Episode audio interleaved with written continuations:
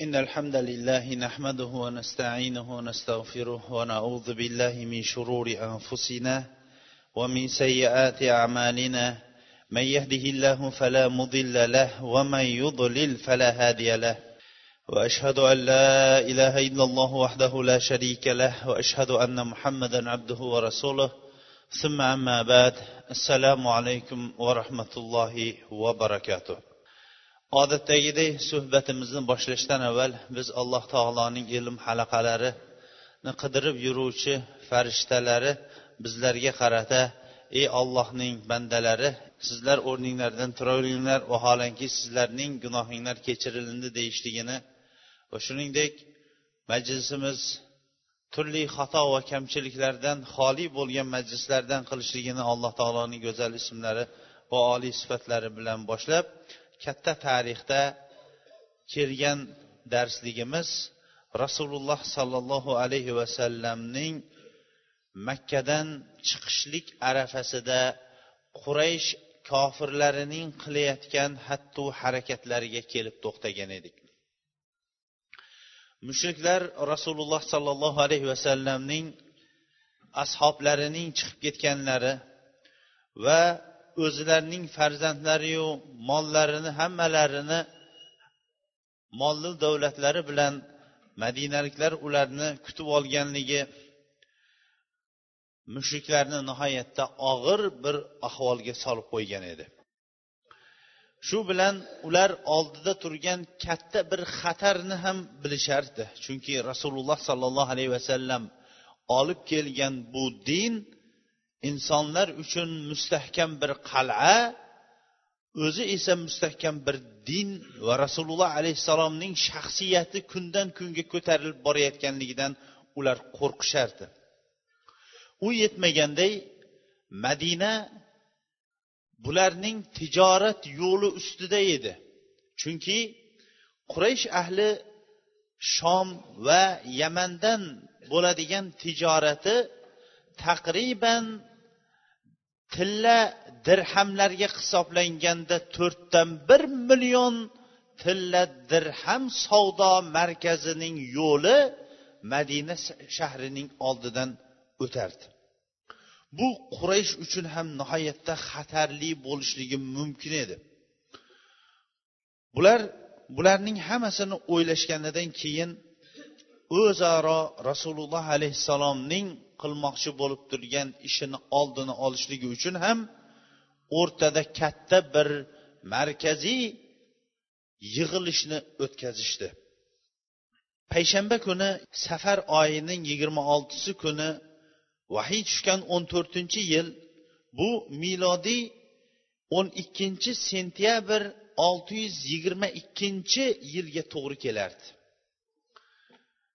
Makkada sho'ro majlisi o'tkazilindi. Tong otgandan keyin bu majlis boshlandi. Butun katta qabilalarning kattalari yig'ilishdi. Abu jahl banu mahzum qabilasidan jubayr ibn mutim banu navfal qabilasidan shayba va utbalar banu abdushams qabilasidan nadr ibn haris banu abduddar abul buxtar bular ham banul asad qabilasidan nabih va munabbihlar banu sahm umayyalar bo'lsa banu jamh va hokazo katta qabilalarning katta a'zolari yig'ilishdi.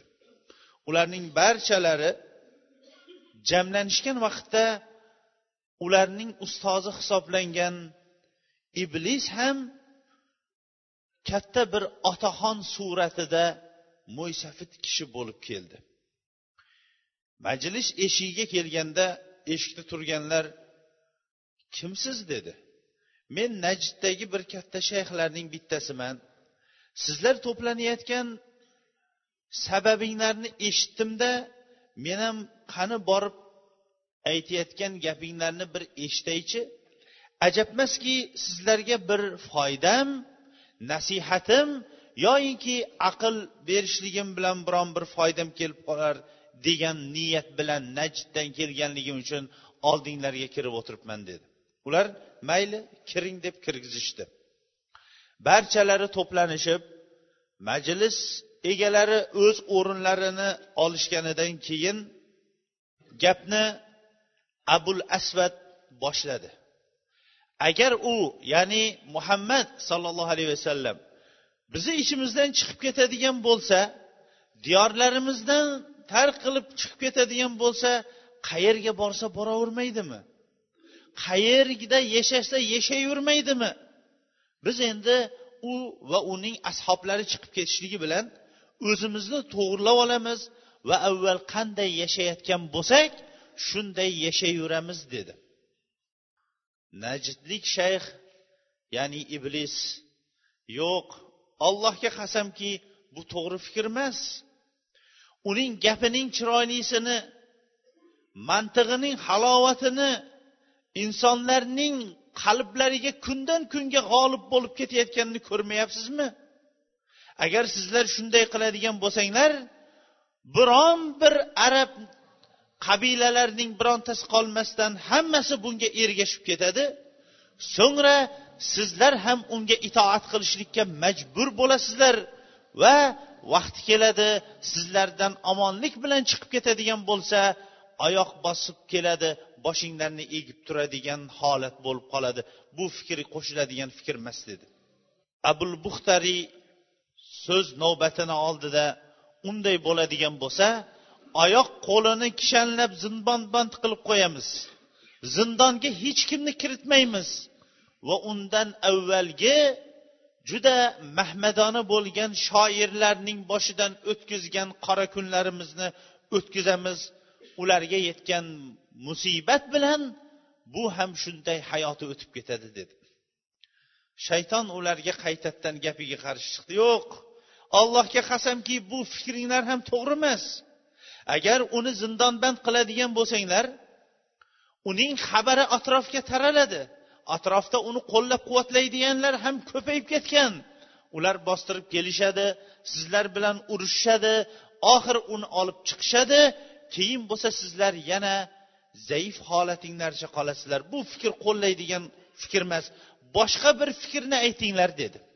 Bu ikki fikr ham orqaga tashlangandan keyin butun majlisga to'planganlarning barchasi nima bo'lar ekan deb o'ylab turgan vaqtda insonlardan bo'lgan shaytoniy fikr bo'lgan eng katta jarimachi bo'lgan tajovuzkor abu jahl gapni oldi.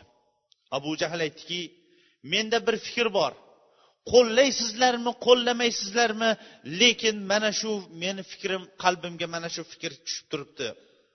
Ayt ey abu hakam deganda aytdiki men shuni ko'ryapmanki har bir qabiladan baquvvat mustahkam va shu qabilada obro'yi bo'lgan yigitlardan olamiz. Va har biriga o'tkir qilichni qo'liga ushlatamiz. Va hammasi buni bir urishlikda urib parcha qilib tashlaydi. Keyin bo'lsa undan biz o'zimiz xotirjam bo'lamiz qutulamiz va uning qoni butun qabilaga tarqalib ketadi. Banu abdumannof barcha qabilalar bilan urusha olmaydi dedi. Buni eshitishlik bilan shayton ollohga qasamki sizlarga bundan ortiq fikr yo'qdir mana shunga kelishinglar dedi. Butun to'plangan gunoh uchun to'plangan gunohkorlar majlisining egalari mana shunga kelishishdi. Vo ajabo deydi inson. Shunchalik bir insonlarni ham o'ltirishlikka qaror qilishlik bilan ham odam rohat topadigan insonlar bo'ladi. Yaxshi insonlarni o'ltirib turib hayotda rohat topgan insonlar nihoyatda ko'p bo'lgan. Tarixda o'zimizning diyorlarimizdan imom buxoriyni haydab turib rohat topganlar qancha bo'ldi. Shayxul islom rahimaullohni zindondan qilingan vaqtlari agar jamlanadigan bo'lsa yigirma sakkiz yil zindonda o'tirgan ekan. Dushmanlar hatto xalifani oldiga kirib turib hasad uchungina ey xalifa hazratlari o'ltiring buni gunohi menga deganlari ham bo'ldi. Xalifa bundan tanbeh topib qoldida uni qo'llab quvvatlagan bo'lib chiqarib yubordida shayxul islomni chaqirdi. Falonchi haqida nima deysiz? dedi. Ya'ni haligi o'ltiring degan kishiga haqida nima deysiz? deganda u yaxshi inson dedi. Xizmatlari ko'p dedi. Bunaqa insonlar hurmat qilinmoqligi kerak dedi. Rasululloh sollallohu alayhi vasallamni o'ltirishligi bilan rohat topadigan ham insonlar bo'lishligi vo ajab. Shuning uchun ham adib bir kishilarning bittasi aytgan ekanki vo ajabo asalni sotayotgan odamga ajab asal ham sotilarmikin? degan ekan. Rasululloh sollallohu alayhi vasallamni o'ltirib bular nima ish qilmoqchi edi? Bu qaror rasululloh sollallohu alayhi vasallamga tajovuz qilishlik qarori bo'lgandan keyin jibril alayhissalom alloh taoloning amri bilan darrov rasululloh sollallohu alayhi vasallamga tushib bo'lgan voqeani xabarini berdi. Va endi madinaga hijrat qilishlik sizga ruxsat berilindi dedi. Hijrat vaqtini ham belgilab berdi. Mana shu kecha siz o'z to'shagingizda tunamang dedi. Rasululloh sollallohu alayhi vasallam kun ko'tarilingan vaqtda abu bakr roziyallohu anhuning oldiga bordi. Oysha onamiz aytadi biz otamiz abu bakrning uyida kun ko'tarilgan vaqtda o'tirar edik. Bir kishi abu bakrga do'stingiz rasululloh alayhissalom kelyapti dedi. Chunki rasululloh alayhissalom hech qachon kun ko'tarilib qizib qolgan vaqtda kelmas edi. Abu bakr roziyallohu anhu rasululloh alayhissalomga ota onam sizga fido bo'lsin deb turib kutib oldi. Siz bunaqa soatda hech ham kelmasdingizu dedi. Rasululloh sollallohu alayhi vasallam kirdilarda kirishlikka izn berilgandan keyin mening huzurimga yolg'iz chiqsangiz dedi. Abu bakr roziyallohu anhu mening ahlim sizning ahlingiz emasmi? Bu sizni ahlingiz kiring ya rasululloh dedi. Rasululloh sollallohu alayhi vasallam menga hijrat qilishlikka ruxsat berilindi dedi. Abu bakr roziyallohu anhu quvonganidan yuraklari yorilib ketay deb endi birga hamsuhbat holatda safarda bo'lar ekanmizda ya rasululloh deganda sollallohu alayhi vasallam bale shunaqa dedi. Bular birgalashib hijrat qilishlikning yo'llanmasini tuzib olishdi. Ammo bu kecha kirishligini makkaning mushriklarining kattasi ham orzu qilib barchasi kutib o'tirishardi. Bular o'zaro o'n bitta qabiladan o'n bir katta nodonni tanlab ham qo'yishgan edi.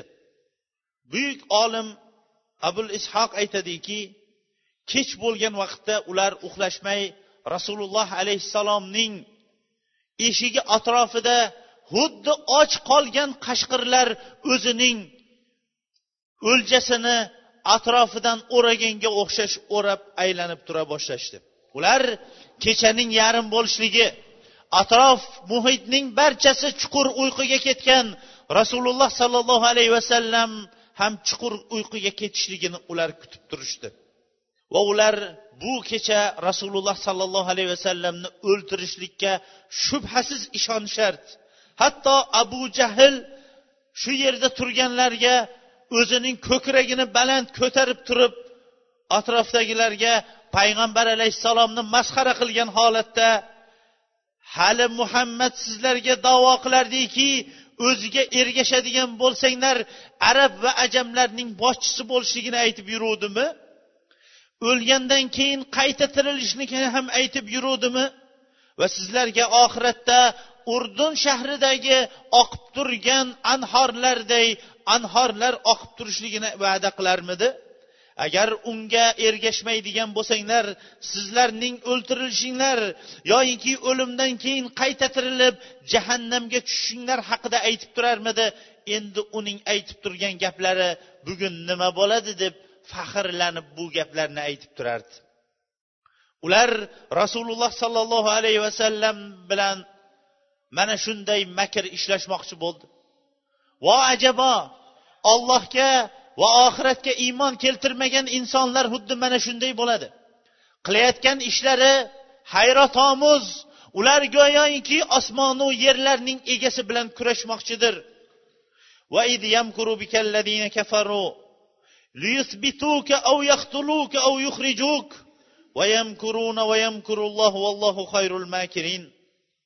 Kofir bo'lgan kishilar sizni dindan qaytarishlari uchun yoyinki sizni qatl qilishlari uchun yoyinki sizni diyordan chiqarib yuborishlari uchun sizga makr qilishadi. Ular sizga emas allohga makr qilmoqchi vaholanki olloh makr qilguvchilar uchun ollohning makri yaxshiroqdir. Shu kecha quraysh ahli kofirlari rasululloh alayhissalomga bir kishining harakatiday harakat qilib barchalari rasululloh alayhissalomni o'ltirishlikka hozirlanib turgan vaqtda rasululloh sollallohu alayhi vasallam kecha bo'lganda ali roziyallohu anhuga aytdi. Mening ko'k libosimni kiyib mening o'rnimda uxlang va sizga biron bir yomonlik yetmaydi xotirjam bo'ling dedi. Rasululloh sollallohu alayhi vasallam ali roziyallohu anhuga shunday dedi.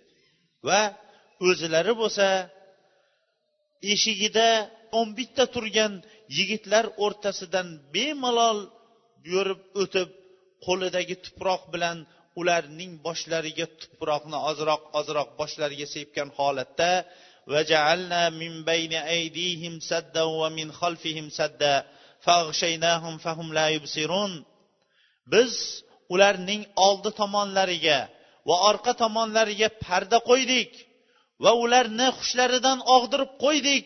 Ular buni ko'rmaydilar degan yasin surasidagi bu oyatni o'qib xotirjam ravishda rasululloh sollallohu alayhi vasallam ularning ichidan chiqib abu bakr roziyallohu anhuning uyi tomonga kechasi ketdi. Ular uyqusiragan holatda rasululloh alayhissalomni ko'rishmadi. Ha ko'risholmasdi ham. Chunki u ollohning elchisi. Hatto bu ollohdan bo'lgan risolatni yetkazgunicha u kishi ollohning omonatida turgan ollohning elchisi edi. Ular rasululloh alayhissalomning joniga tajovuz qilinishlikka izn beriladigan soatni kutib turgan edi. Lekin uzoqdan ular bilan birga bo'lolmay qolgan kishi uzoqdan buni qarab turib rasululloh alayhissalom xotirjam chiqib ularning ichida xotirjam boshlariga tuproqni ozroq ozroq sochib keyin chiqib ketganligini uzoqdan ko'rib turib shoshilgan holatda kelib nima qilib turibsizlar? dedi. Nimani kutib turibsizlar? deganda muhammadning chiqishligini kutib turibmiz dedi. Ey holinglarga voy bo'lsin. U chiqib bo'ldi boshinglarga tuproq sochib o'tib ketdi shuni ham bilmadinglar. Dedi. Ular hayron bo'lishgan holatda boshlariga qarashdi. Boshlaridagi tuproqni hammasi ham boshlaridagi tuproqni qoqishib buni sezmaganliklarini aytishdi. Va darrov eshikning yorug'idan ichkariga qaradi. Ichkarida rasululloh alayhissalomning kiyimini kiygan kishi to'shakda yotardi. Ular siz adashibsiz ichkarida muhammad o'z o'rnida uxlayotibdi dedi. Lekin ular tongga yaqin kirishib uyg'otishganda rasululloh sollallohu alayhi vasallamning o'rnida u kishining libosini ali roziyallohu anhu kiyib to'shagida yotganini ko'rdi. Qo'ltiqlaridan tarvuzlari tushib ketishdi. Rasululloh sollallohu alayhi vasallam haqida so'raganda ali roziyallohu anhu u kishi hozir qayerdaligini men bilmayman dedi. Rasululloh sollallohu alayhi vasallam qayerda edi? Rasululloh sollallohu alayhi vasallam safar oyining yigirma yettinchi kechasi payg'ambarlik vahiy nozil bo'lgan o'n to'rtinchi yilning safar oyining yigirma yettinchi kechasi milodiyga o'n ikkinchi sentyabrdan o'n uchinchi sentyabrga olti yuz yigirma ikkinchi yilning mana shu kechasida o'tar kechada do'stlari abu bakr roziyallohu anhu bilan birga makkadan chiqishib saharga yaqin ular savr tog'iga yashirinishgan edi. Rasululloh sollallohu alayhi vasallam nihoyatda zakovatli hushyor zot edi. Bildilarki orqasidan qilingan ish nihoyatda puxta ish. Ertaga chiqib ketishligi bilan ortidan tekshir tekshir nihoyatda qattiq bo'ladi. Agar madinaga to'g'ri chiqib ketadigan bo'lsa yo'llar ham bekiladi. Shuning uchun ham madina tomonga bormadida madinaning aksi bo'lgan madinaning janubi bo'lgan yaman tomonga aks tomoniga yurib savr degan tog' nihoyatda yo'li qiyin toshlar bilan to'ldirilgan tepasiga ham chiqishlik qiyin. Inson u yerga boradi deb o'ylamaydigan tog'ning tepasidagi g'orda uch kecha turishdi. Madinadan taqriban bu g'or besh mil uzoqlikda edi va savr tog'i deb nomlanardi. O'zi baland yo'llari egri va qiyin ko'tarilishlik ham nihoyatda qiyin katta toshlardan iborat bo'lgan edi. Rasululloh sollallohu alayhi vasallam yo'lning ba'zisida oyoq uchlari bilan yurardi. Hatto orqada iz qolmasligi uchun ham. Toqqa yetgan vaqtda abu bakr roziyallohu anhu siz mana shu yerda turib turing dedida g'orga o'zilari kirdi. Va g'orga kirishligi bilan abu bakr roziyallohu anhu atrofga qaradi. Agar biron bir narsa yetadigan bo'lsa menga yetsin. Biron bir narsa chaqib oladigan bo'lsa meni chaqsin degan niyat bilan ichkariga kirdi. Ichkarida bitta teshikni topdida teshikka darrov izorini yirtdida o'sha izoridan olingan latta bilan teshikni tiqib qo'ydi. Keyin esa yana ikkita teshikni topdi.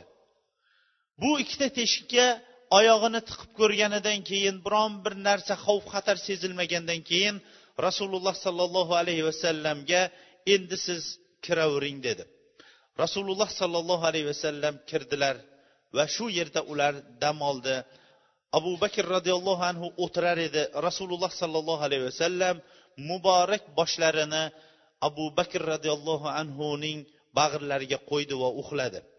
Abu bakr roziyallohu anhu haligi qolgan ikkita teshikdan qo'rqqan holatida oyog'ini teshikka tiqib turar edi. Ozroq vaqt o'tgandan keyin oyog'ini bir narsa chaqdi. Nihoyatda qattiq chaqdi. Lekin rasululloh sollallohu alayhi vasallam uyg'onib ketmasin deb turib qimirlamadi ham. Va og'riqning qattiqligidan ko'zidan yosh oqib rasululloh sollallohu alayhi vasallamning muborak chehralariga tushdi. Rasululloh sollallohu alayhi vasallam ey abu bakr nima bo'ldi? dedi. Meni bir narsa chaqdi dedi. Oyog'ingizni bu yoqqa beringchi dedi. Abu bakr roziyallohu anhu oyoqlarini tortganda rasululloh sollallohu alayhi vasallam tupurib qo'ydilar. Avvalgidan ham yaxshiroq oyoqqa aylandi. Rasululloh sollallohu alayhi vasallam va abu bakr roziyallohu anhu g'orda uch kecha juma oqshomi shanba va yakshanba oqshomlari shu yerda bekinib turishdi. Abu bakr roziyallohu anhuning o'g'li abdulloh kechasi yarim kechada oziq ovqat bilan kelib kunduzi makkada bo'layotgan holat haqida xabar berib turardi. Bu o'rinda shuni ham yaxshi bilmoqligimiz kerakki hayotda inson topgan narsaning eng qadrli narsasi bu yaxshi do'stdir. Yaxshi do'st shu yerda o'tirgan tinglab turganlarning hammasi ham biladiki qo'lida yaxshi dunyo topgan vaqtlari bo'lgan yaxshi markablar mingan vaqtlari bo'lgan yaxshi bir majlislarda o'tirgan vaqtlari bo'lgan lekin haqiqiy do'st topishlik bu hammaga ham nasib qilavermaydi. Alloh subhanava taolo rasululloh sollallohu alayhi vasallamga shunchalik bir do'stlarni bergandiki bu do'stlarning har biri har bir sifatda tog'ning bir cho'qqisiday turardi. O'sha cho'qqilarning kattasi bo'lgan abu bakr roziyallohu anhu edi. Odamlarning barchasi rasululloh alayhissalomni yolg'onchi deganda u kishi tasdiqlagandi quvib chiqayotgan vaqtda esa eng qimmat bo'lgan tuyalarni sotib olib turib xavf xatarni o'zi bo'yniga olib turib mana shu holatda o'zini xavf xatarga qo'yib rasululloh alayhissalomga qalqon bo'lib turardi. Agarchi biron bir achchiq bo'ladigan bo'lsa uni rasululloh alayhissalomga bildirmagan holatda o'zi ko'tarib ketishlikka harakat qilardi. U yetmaganday bu ahlingiz kiravering ahlingizdan yashiradigan narsangiz yo'qdir dedi. Rasululloh alayhissalomning do'sti bo'lmish bu abu bakrning oilasining barchasi dinga mana shunday xizmat qildi. O'g'li kunduzi makka ahli bilan birga yurib ular rasululloh alayhissalom va otasi abu bakrga qarshi qilayotgan hatto harakatlarning xabarlarini yetkazib kechasi rasululloh alayhissalom va abu bakr otalari o'rtasida turib ozuqasini yetkazib xabar nima bo'layotganligini aytib tongga yaqin huzurlaridan chiqib ketardi. Quli bo'lsa quli bo'lsa o'sha atrofda qo'yni boqib turib qo'ylarni sog'ib sutini rasululloh alayhissalomga yetkazib abu bakrning o'g'li abdullohni izini shu bilan yo'qotib turardi amir ibn fuhayr. Oilasi bo'lsa og'ir bir mashaqqatni boshiga olib turib rasululloh alayhissalom va abu bakr roziyallohu anhuga mana shunday o'zlarining jonlariyu mollarini shunchalik sarf qiladigan do'stlar bo'ldi. Horunur rashid buyuk xalifa. Qorunur rashidni tarixda musulmonu kofir bo'lib tanimagan biron bir kishi bo'lmasa kerak. Chunki bu kishining xalifaligi shunchalik bir katta bir o'rinni egallaganki uyidan chiqib bunday qarab bulutga qararkanda qayerga borib yog'sang yog'aver baribir sendan chiqqan narsa haroji bizga keladi derkan. Shunchalik ravishda o'zining miqyosi katta bo'lgan va biron bir yemagan narsasi qolmagan horunur rashid o'layotganida yig'lagan ekan. Nimaga yig'ladingiz? Nimaga yig'layapsiz deganda hayotimdan bu umrdan o'tyapman. Hamma narsa menga muhayyo bo'ldi va allohning toatida hamma qo'limdan kelgan narsani qildim. Lekin bir narsa kam bo'lib o'tyapti. Nima kam bo'lib o'tyapti sizga? Nahotki shunchalik katta bir xilofatning boshlig'i bo'lsangiz nima narsa sizga kam bo'ldi deganda sodiq do'st topolmay o'tib ketyapman degan ekanlar. Bu rasululloh sollallohu alayhi vasallamning holati bo'lsa o'zlarining tarvuzlari qo'ltig'idan tushib ketgan aql hushini yo'qotib qo'ygan makka ahli nima ish qilyapti ekan deysiz? Makka ahli rasululloh sollallohu alayhi vasallamni yo'qotgan kechasidan boshlab o'zlarining aql hushlarini yo'qotib qo'yishgan edi. Ali roziyallohu anhuni ular qattiq urishdi. Kabaga olib kelib osib ham qo'yishdi. Lekin biron bir xabar topolmagandan keyin ali roziyallohu anhuni qo'yib yubordi. Keyin esa darrov ular shoshgan holatda abu bakr roziyallohu anhuning uylariga keldi. Ularning boshlig'i ming afsuslar bo'lsinki rasululloh alayhissalomning amakilari bo'lgan abu jahl edi. Eshikni qattiq taqillatishdi. Abu bakr roziyallohu anhuning qizi asmo roziyallohu anha chiqdi. Otang qani? dedi abu jahl nihoyatda qo'pol dag'allik bilan. Otam qayerdaligini bilmayman dedi. Abu jahl nihoyatda gavdalik u yetmaganday qo'pol dag'al odam edi. Gap tugar tugatmas shunaqangi bir tarsakini tushirdiki asmo roziyallohu anhaning betlari burilib qulog'idagi isirg'alari ham uchib ketdi. Shu kundan boshlab quraysh ahlining barchasi qaytadan yig'ilishdi va tezda butun hamma yo'llar bilan bu ikki shaxsni rasululloh alayhissalom va abu bakr roziyallohu anhuni ushlashlikka harakat qilishdi. Makkadan madinaga boriladigan barcha yo'llar to'xtatilindi. Qurol aslihalarli yigitlar atrofga tarqatilindi. U yetmagandek bu ikki kishini xoh tirik xoh o'lgan holatda makkaga olib kelgan kishilar uchun katta mukofot e'lon qilindi. Har birining boshi uchun yuztadan tuya e'lon qilindi.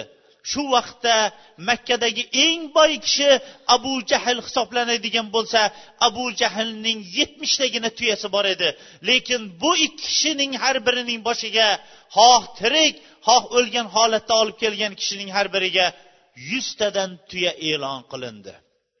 Buni eshitgan makkadagi har bir oyog'ida jon bo'lgan yigitlar o'rinlaridan turib ketishdi va atrofga tog'u tosh qolmasdan vodiy qolmasdan bu ikkovlarini topishlik uchun harakat qilib ketishdi. Vo ajabo vo ajabo ollohning elchisi bilan hali ular shunaqangi ham muomala qilishadimi? Vo ajabo olloh o'zining rahmati bilan bir shaharga o'zining elchisini yuboradigan bo'lsa elchiga ham shunday muomala bo'ladimi? Tarixga nazar solinadigan bo'lsa rasululloh alayhissalomning birodarlaridan hisoblangan barcha payg'ambarlar mana shunday musibatlarga ular hammalari ham uchragan edi.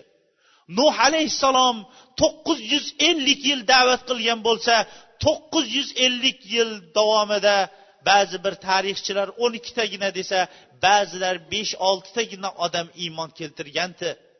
Oxir bo'lsa duo qilishlik bilan ulardan najot so'rab qutulgan edi. Barcha barcha payg'ambarlarga qaraydigan bo'lsangiz ularning oqibati mana shunday. Xuddi ba'zi birlar aytmoqchi haqni aytsang urarlar xushomadni suyarlar bo'lib ular yo diyorlaridan quvg'in qildirilgan yo zindonband qildirilgan yoyinki odamlar o'rtasida osib o'ltirilgan holatda haqiqat mana shunday bo'lib ketgan edi. Rasululloh sollallohu alayhi vasallamni qidiruvchilar hatto g'orning eshigiga ham keldi. Lekin alloh subhanava taolo o'zining ishiga g'olibdir. Imom buxoriy anas roziyallohu anhudan rivoyat qiladi. Abu bakr siddiq aytadi men payg'ambar alayhissalom bilan g'orda edim. Boshimni bunday ko'tarsam mening qadamlarim oldida qavm kelib turardi. Ular ichida qadam izi bilan topadigan odamni ko'rdimda qo'rqib ketib ey ollohning elchisi agar ular ko'zlarini ozgina pastga burganlarida bizni ko'rardi degandim rasululloh alayhissalom ey abu bakr xotirjam bo'ling. Ikkita odamning uchinchisi olloh bo'lib turgan bo'lsa unda nimadan qo'rqasiz? dedi. Boshqa bir lafzida esa ey abu bakr ikki odam uchinchisi ollohdir siz nimadan xotirjam bo'lmay turibsiz dedi. Bu rasululloh sollallohu alayhi vasallam uchun aslida katta bir tarixga namuna bo'ladigan bir mo'jiza bo'ldi. Oradan uch kun o'tdi. Ko'pchilik yuz tuyaning armonidagilarning qo'ltiqlaridan tarvuzi tushib ketdi. Ular uch kun mobaynida makkaning hamma tomonlarini tekshirib chiqishdi. Lekin biron bir rasululloh alayhissalom haqida xabar topisha olishmadi. Ular ba'zilari o'sha kechaning o'zida bu qochib ketgan degan gap ham tarqala boshladi. Va odamlar asta sekinlik bilan rasululloh alayhissalomni qidirishlikdan umidlari uzila boshladi. Uch kun o'tgandan keyin rasululloh sollallohu alayhi vasallam endi yo'lga tayyorgarlik ko'rishniga kirishdi. Abu bakr roziyallohu anhu hijrat qilishlik rejasini tuzgan vaqtda abdulloh ibn urayqid al laysiy degan nihoyatda yo'l boshlashlikda usta bo'lgan kishini ijaraga olib qo'ygan edi va unga yo'lda nihoyatda tez yuradigan uchqur semiz tuyalarini unga berib qo'yib falon kuni falon vaqtda savr g'ori eshigida tong pallasida ko'rishamiz deb aytib qo'ygan edi.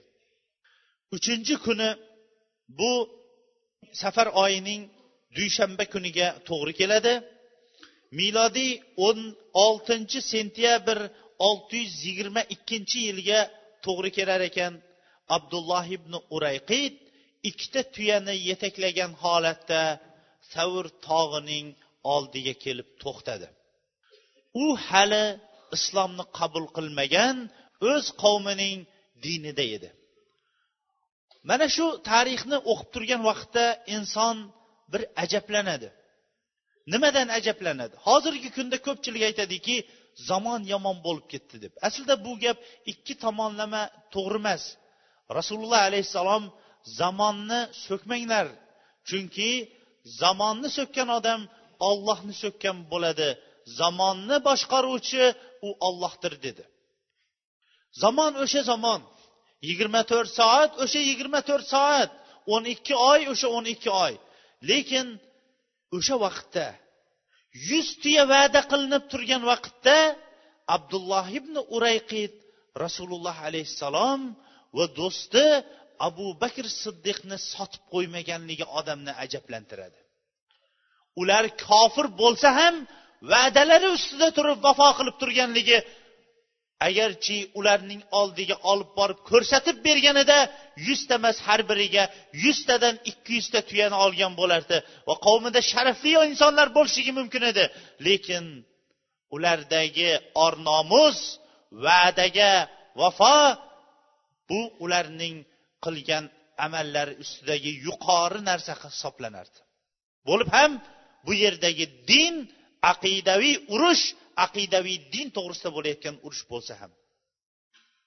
Abu bakr roziyallohu anhu payg'ambar alayhissalomga yo rasululloh ota onam sizga fido bo'lsin. Bu ikki uchqur tuyalarning xohlaganini tanlang dedida afzalini rasululloh alayhissalomga yaqinlatdi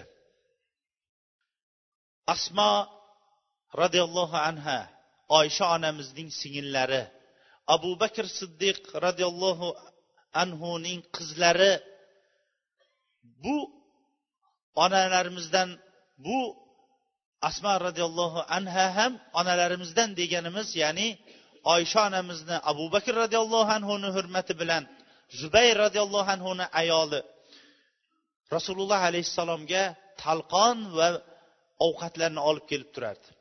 Shu kuni bu kishi ham kelgan edi. Lekin olib kelgan dasturxoni ular olib ketadigan yo'lakni bog'lab qo'ymagan edi. Darrov belbog'idagi ipni oldida belbog'ini o'zi tugib oldida belbog'ini shu bilan rasululloh alayhissalomning tugunlarini tugib berib yubordi. Shu kundan boshlab u kishi zatun nitaqayn. Ikkita belbog' egasi degan laqabni olib qoldi to qiyomatgacha. Ularning rasululloh alayhissalomga islom va musulmonlarga berayotgan narsalari uhud tog'ichalik katta narsa emas edi. Lekin qilayotgan xizmatlari ixlos bilan joniyu mollarini fido qilishligi ixlosi uhud bilan qilinayotgan tog'lardan ham buyuk edi. Rasululloh sollallohu alayhi vasallam va do'stlari abu bakr yo'lga tushishdi.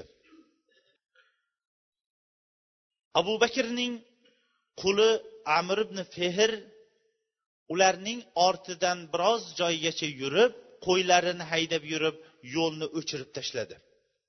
Ular birinchi g'ordan chiqishlari bilan janub tomonga yana ozroq yurdi. Janub tomonga yaman tomonga yurdi. Keyin g'arbga sohil tomonga burildi. Keyin bo'lsa odamlar yurmaydigan shimol tomonga qarab turib dengiz yoqalab yura boshlashdi. Biron bir inson bu yo'ldan yurmasdi yurib qolsa ham nodir biron bir kishi o'tib qolishligi mumkin edi. Abul ishoq rasululloh alayhissalomning mana shunday yo'llarni kesib yurishligi haqida bu yerda har bir mavzuni nozik ravishda bayon qilgan ekan bu yerda o'tirganlarning ko'pchiligi u o'rinlarni tushunmaganligi uchun ham uni har birini to'xtab o'tmaymizda. Lekin shu o'qilayotgan vaqtda o'quvchi yaxshi biladiki bu nihoyatda daqiq nozik va ehtiyotkorlik yo'li bilan rasululloh alayhissalomni makkaning chegarasidan olib chiqib ketilindi. Abu bakr roziyallohu anhu aytadi biz kechasi tonggacha yurdik. Quyosh ko'tarilgan vaqtda yo'lda vaholanki yo'lda hech kim ham yo'q edi. Bir baland bir qoya tosh oldiga keldik. Qoya toshning ort tomonida soyabon bor edi. Ya'ni shu qoya toshning soyasi bor edi. Shu yerda dam oladigan bo'ldik. Men darrov rasululloh alayhissalomga dam oladigan joyni to'g'irladim va shu yerda dam olishligiga mana bu o'rinda ya rasululloh dam oling. Men atrofingizda bo'lib turaman dedim. Rasululloh sollallohu alayhi vasallam dam oldi. Men atrofni bir tekshirib qo'yishlik niyati bilan atrofga chiqdim. Qarasam uzoqdan bir cho'pon qo'ylarini biz tomonga qarab haydab kelyapti. Aftidan bu cho'pon biz xohlagan shu tosh tagida boshqa vaqt dam olsa kerak u ham dam olishga kelyapti. Bu yetib kelishidan avval men tezroq oldiga bordimda cho'pon qullardan edi. Hojang kim deb so'radim. Madina yo makkadagi falonchini quliman dedi. Qo'yingiz ichida sog'iladigani bormi dedim. Ha bor. Bizga bir sog'ib bersangiz dedim. Mayli dedi va rasululloh alayhissalomning suv idishlari tahoratga yo suvga ko'tarib beradigan idishlarni olib keldim sog'ib berdi. Qaytib kelsam rasululloh alayhissalom dam olayotgan ekan. U kishini uyg'otishlikni ma'qul topmadimda sutga ozgina salqin bo'lib turishlik uchun suv qo'shib qo'ydim. Va turganlaridan keyin sutdan ichib oling dedim. Rasululloh alayhissalom sutdan ichdilar keyin endi yo'lga yuraylik deb yo'lda yurib ketdi. Abu bakr roziyallohu anhuning yo'ldagi holati rasululloh alayhissalomning ortidan yurardi. Oldinda yo'l boshlovchi abdulloh ibn urayqid o'rtada rasululloh alayhissalom ortda esa abu bakr roziyallohu anhu. Abu bakr roziyallohu anhu avval tijoratchi bo'lib karvonda ko'p yurganligi uchun ham yo'ldagi ko'pchilik tanirdi. U yetmagandek abu bakr roziyallohu anhuning yoshi ham kattaroq edi. Rasululloh alayhissalomni esa yo'lda hamma ham taniyvermas edi. Yo'lda tanishlar chiqib qoladigan bo'lsa abu bakr roziyallohu anhudan ey abu bakr ha oldingizdagilar kimlar? desa abu bakr roziyallohu anhu bu kishi meni yo'lchim menga yo'l ko'rsatadigan odam derdi. Eshitgan odamlar bu kishi karvonboshi bo'lsa kerak deb o'ylardi. Ammo abu bakr roziyallohu anhu esa insonlarni haqiqiy to'g'ri yo'lga yo'llovchi rasululloh alayhissalom ekanligini mana shu tavriya yo'li bilan o'rgatar edi. Rasululloh sollallohu alayhi vasallamga bittagina kishi tajovuz bilan yetib kelishlikka harakat qildi. U suroqat ibn malik edi. Bu kishi o'zi aytadiki makkada odamlar yig'iladigan o'rinda o'tirgan edim. Bir kishilar keldida sohil bo'yida bir qora sharpalarni ko'rdik. Muhammad ashoblari bilan do'sti bilan shu yerda bo'lsa kerak deganda men bildim bu payg'ambar alayhissalom ekanligini. Lekin yuz tuyaning umidida ularni qaytarishlik uchun hiyla yasab turib ha bular falonchi bilan falonchini ko'rgan bo'lsangiz kerak. Kecha ular yo'qolib qolgan molini qidirishlik uchun shu yoqqa ketuvdi deb o'zim xotirjam o'tiraverdim. Ozroq vaqt o'tirib odamlar xotirjam o'tirganidan keyin darrov uyga qaytdimda qulimga aytdim qurol aslihalarimni tayyorla. Men naryoqdan chopqir otimni minib kelaman. Qurol aslihalarni uyimning orqa tomonidan menga chiqarib ber dedim va qurol aslihalarimni olib chopqir ot bilan rasululloh alayhissalom aytilingan tomonga qarab ketdim. Uzoqdan ularni ko'rdim. Vaqtimiz bitib qolganligi uchun ham inshaalloh suroqat ibn malik rasululloh alayhissalomga qanchalik yetishlikka harakat qilganligi va o'rtada nima voqea bo'lganligi haqida inshaalloh kelgusi darsligimizda inshaalloh bayon qilamiz.